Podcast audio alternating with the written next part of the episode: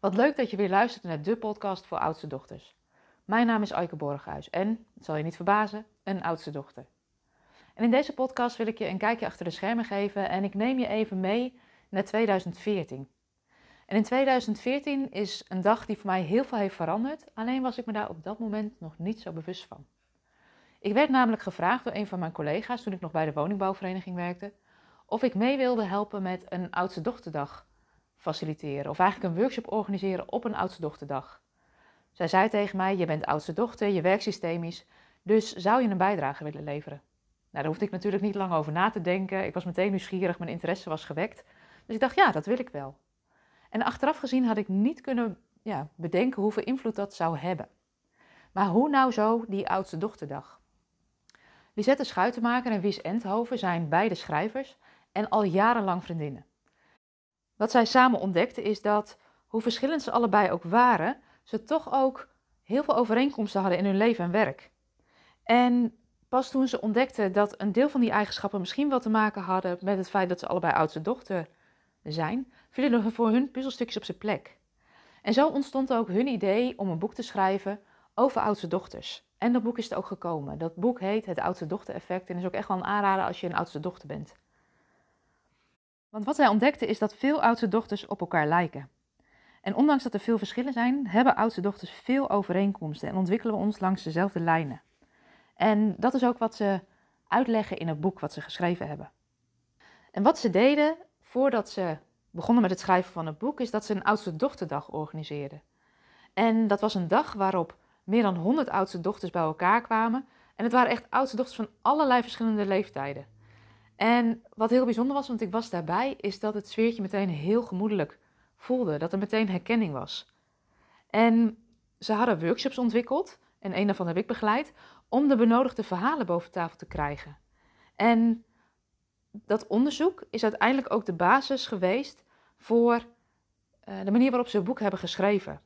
Ze hebben dat gedaan op basis van ook de theorie van Brené Brown. Zij werkt ook volgens de gefundeerde theoriebenadering waarbij je niet uitgaat van je eigen idee, maar eigenlijk informatie gaat ophalen en op basis daarvan je verhaal of je onderzoek gaat vertellen. Wat je doet is je inventariseert de gesprekken, je analyseert de gegevens en je gaat dan op zoek naar de patronen die zichtbaar worden. En die verhaallijnen die worden dan eigenlijk als het ware vanzelf duidelijk. En die lijnen en die patronen vormen ook de basis voor je theorie, die je dan opbouwt vanuit de praktijk. En die vul je vervolgens aan met ook beschikbare vakliteratuur. En dan ook weer antwoord op de vraag: zijn alle oudste dochters hetzelfde? Nee, iedere oudste dochter is uniek. Want er zijn natuurlijk andere factoren die van invloed zijn op het leven van een mens. Waar je bent geboren en welke tijd, wie je ouders zijn, je karakter. En toch is dat die plek in dat gezin als oudste dochter meer invloed heeft dan dat je je nu misschien nog bewust van bent. En de dingen die zij ontdekte is met name het grote verantwoordelijkheidsgevoel, plichtsvertrouw zijn, geen fouten willen maken, moeilijk met kritiek om kunnen gaan, en zorgzaam zijn tot je erbij neervalt, waren dingen die zij echt hebben ontdekt. En als je luistert naar mijn podcast en zie hoe ik mijn werk doe, dan zie je dat ik door praktijkervaring het werken met oudste dochters daar nog wat andere dingen ook bij uh, heb ontdekt. Maar een belangrijke basis voor mijn werk ligt ook wel in het werk van Lisette en uh, Wies. En je bewustzijn van deze kwaliteiten en soms ook valkuilen geeft je dus ook de ruimte om het misschien wel anders te gaan doen. Want als je bewust bent, dan heb je ook een keus dan kun je de keus maken: doe ik iets wel of doe ik iets niet? En die oudste dochterdag was echt een cadeautje om bij te zijn en om uh, een workshop te mogen begeleiden.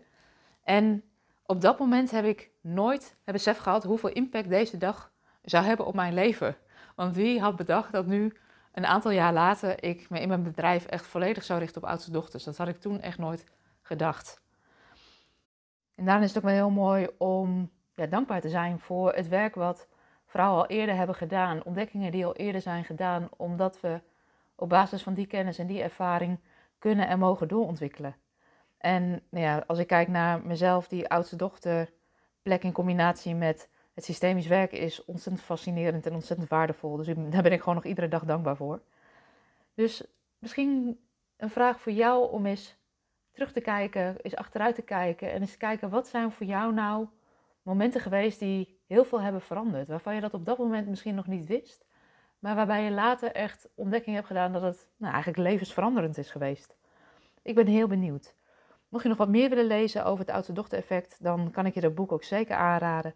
En ehm, nou, hierbij wil ik deze podcast in ieder geval afronden. Ik wil je een hele fijne dag wensen en ik hoor je graag bij een volgende podcast.